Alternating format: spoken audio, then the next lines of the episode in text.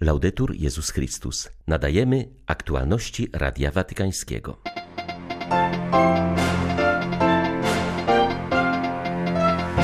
Po powrocie z Ukrainy kardynał Krajewski opowiedział mi straszne rzeczy. Udręczony naród ukraiński bardzo cierpi, mówił papież Franciszek na audiencji ogólnej. Polaków zachęcił do modlitwy różańcowej w intencji pokoju. Jeśli Unia ugnie się co do pseudoreferendów na terenach okupowanych przez Rosję, czeka nas Bucza i Izium, pomnożony stokrotnie, przestrzega biskup Zaporoża. Jeśli zajdzie taka potrzeba, będziemy surowi, zapowiada nowym włoskim władzom przewodniczący episkopatu. Kardynał Matteo Zuppi wskazuje, że Kościół będzie przypominał politykom o dążeniu do dobra wspólnego, a nie do własnych interesów. 28 września witają Państwa ksiądz Krzysztof Ołdakowski i Beata Zajączkowska. Zapraszamy na serwis informacyjny. Ojciec Święty przypomniał o dramacie udręczonej Ukrainy i zachęcił do dalszej modlitwy za ten doświadczony naród. Papież mówił o tym na zakończenie audiencji środowej, przed którą spotkał się z kardynałem Konradem Krajewskim.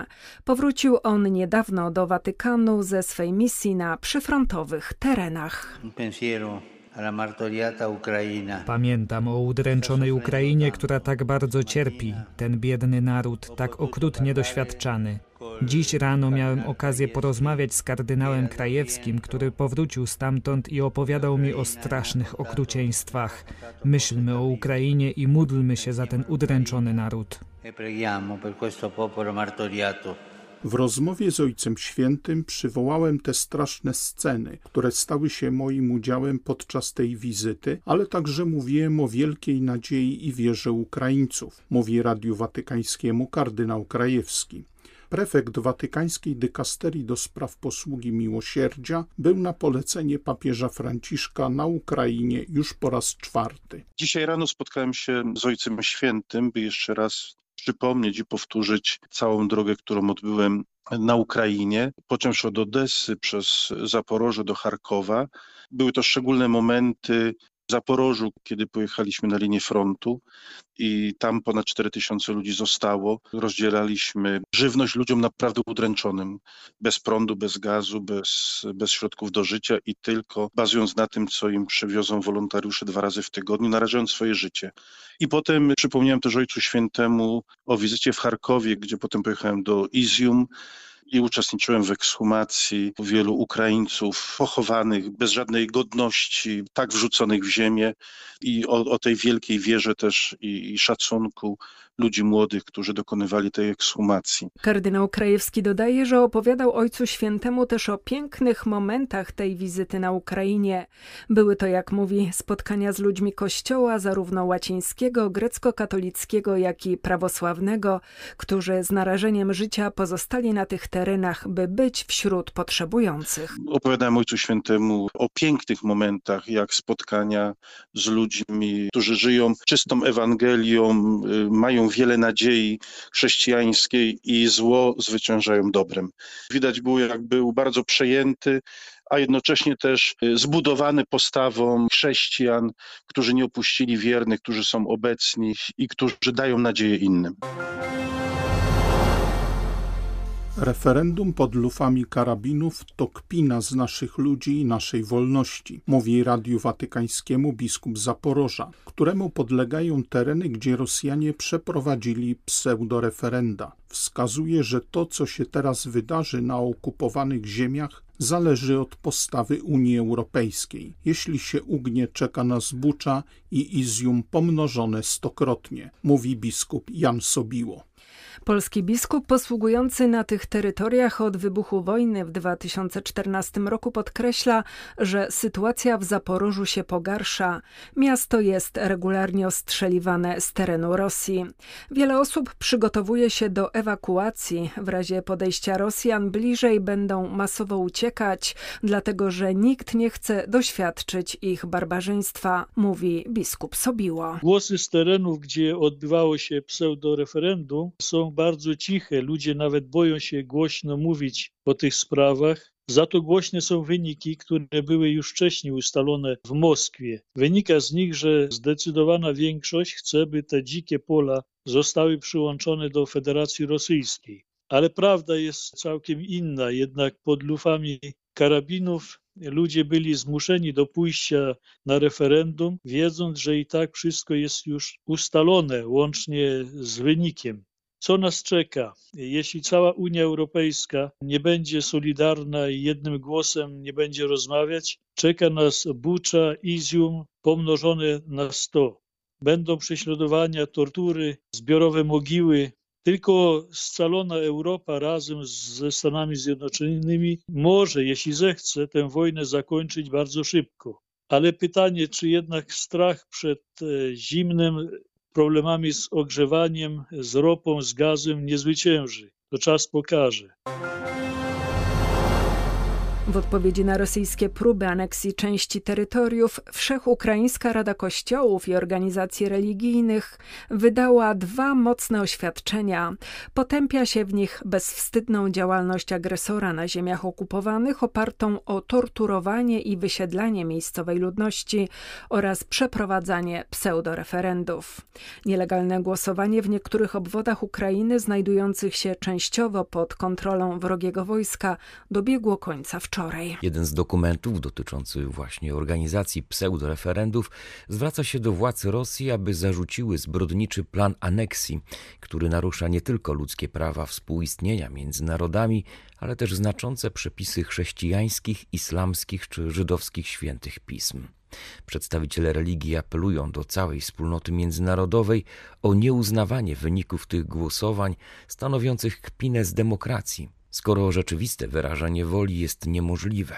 Podkreśla się, że wojna stanowi nie tylko zagrożenie dla wielu osób, ale również zamach na życie całego narodu, innymi słowy ludobójstwo. Jak wskazują sygnatariusze, 3 miliony mieszkańców okupowanych terytoriów zostało przymusowo przesiedlonych w głąb Rosji. Okupant nie dostarcza też żadnej informacji o losie większości z tysięcy ukraińskich wojskowych wziętych w niewolę. Dlatego wezwano całą wspólnotę międzynarodową do podjęcia wysiłku w celu umożliwienia powrotu do domu wszystkim ofiarom podobnych praktyk agresora.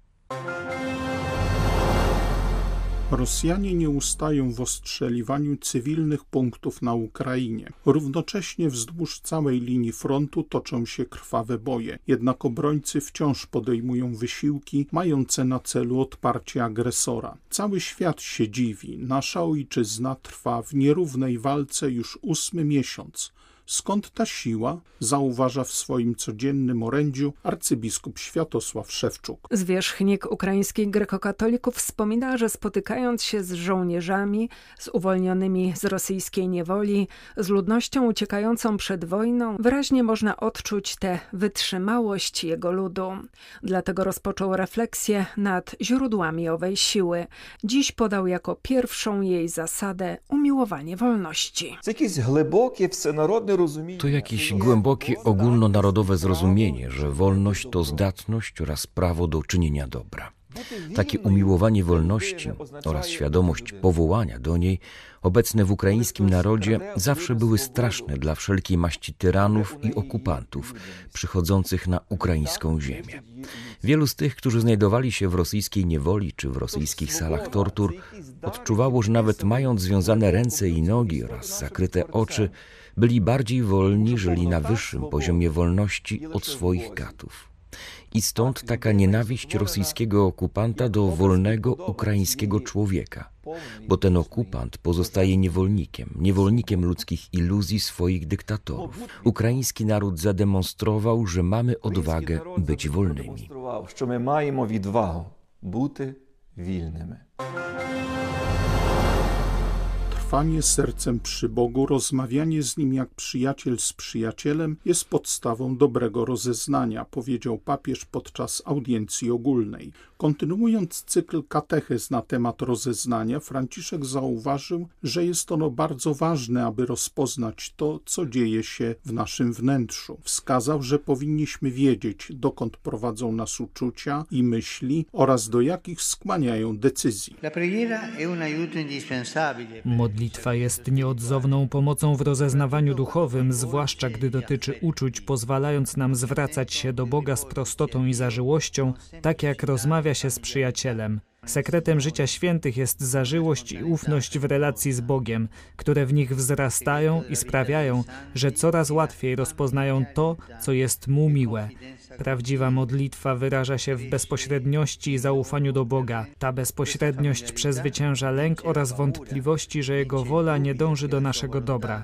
Tę pokusę, która czasem przenika nasze myśli i sprawia, że nasze serce jest niespokojne i niepewne, lub pozostaje zgorzkniałe. Ojciec Święty zaznaczył, że pierwszym znakiem spotkania z Panem jest radość, natomiast smutek czy lęk są znakami oddalenia od Niego. Ci, którzy odwracają się od Pana, nigdy nie są zadowoleni, nawet jeśli mają do dyspozycji obfitość dóbr i możliwości. Rozeznawanie w tym, co dzieje się w nas, nie jest łatwe, bo pozory mylą, ale zażyło Miłość z Bogiem może łagodnie rozwiać wątpliwości i lęki, czyniąc nasze życie coraz bardziej otwartym na Jego łagodne światło, jak to pięknie wyraził święty John Henry Newman. Święci świecą światłem odbitym i ukazują w prostych gestach swojego dnia miłującą obecność Boga, który sprawia, że niemożliwe staje się możliwe. Mówi się, że dwoje małżonków, którzy żyją razem przez długi czas kochając się, w końcu upodabnia się do siebie. Coś podobnego można powiedzieć o modlitwie afektywnej. Sprawia ona, że coraz bardziej stajemy się zdolni do rozpoznania tego, co się liczy, ze względu na to, co jest nam wrodzone, jako coś, co wypływa z głębi naszego istnienia. Polaków Ojciec Święty prosił o modlitwę różańcową w intencji pokoju. Serdecznie pozdrawiam Polaków, a w szczególności Centralny Zarząd Służby Więziennej, funkcjonariuszy i kapelanów, którzy przybyli do Rzymu, by podziękować za ustanowienie świętego Pawła patronem służby więziennej. Za kilka dni rozpocznie się październik, miesiąc tradycyjnie poświęcony Matce Bożej Różańcowej. Odmawiając tę modlitwę we wspólnotach i w rodzinach, zawierzajcie Maryi wasze troski i potrzeby świata, zwłaszcza sprawę pokoju. Niech Bóg wam błogosławi.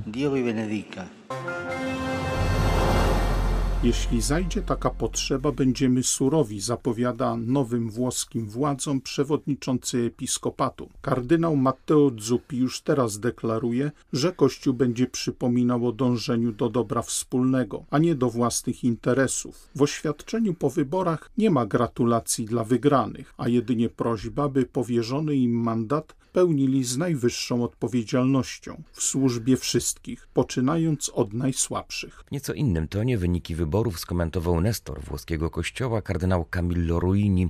Jego zdaniem świadczą one o pogłębiającej się przepaści między elitami, które mają tendencje lewicowe, i włoskim społeczeństwem, które jest raczej konserwatywne i prawicowe.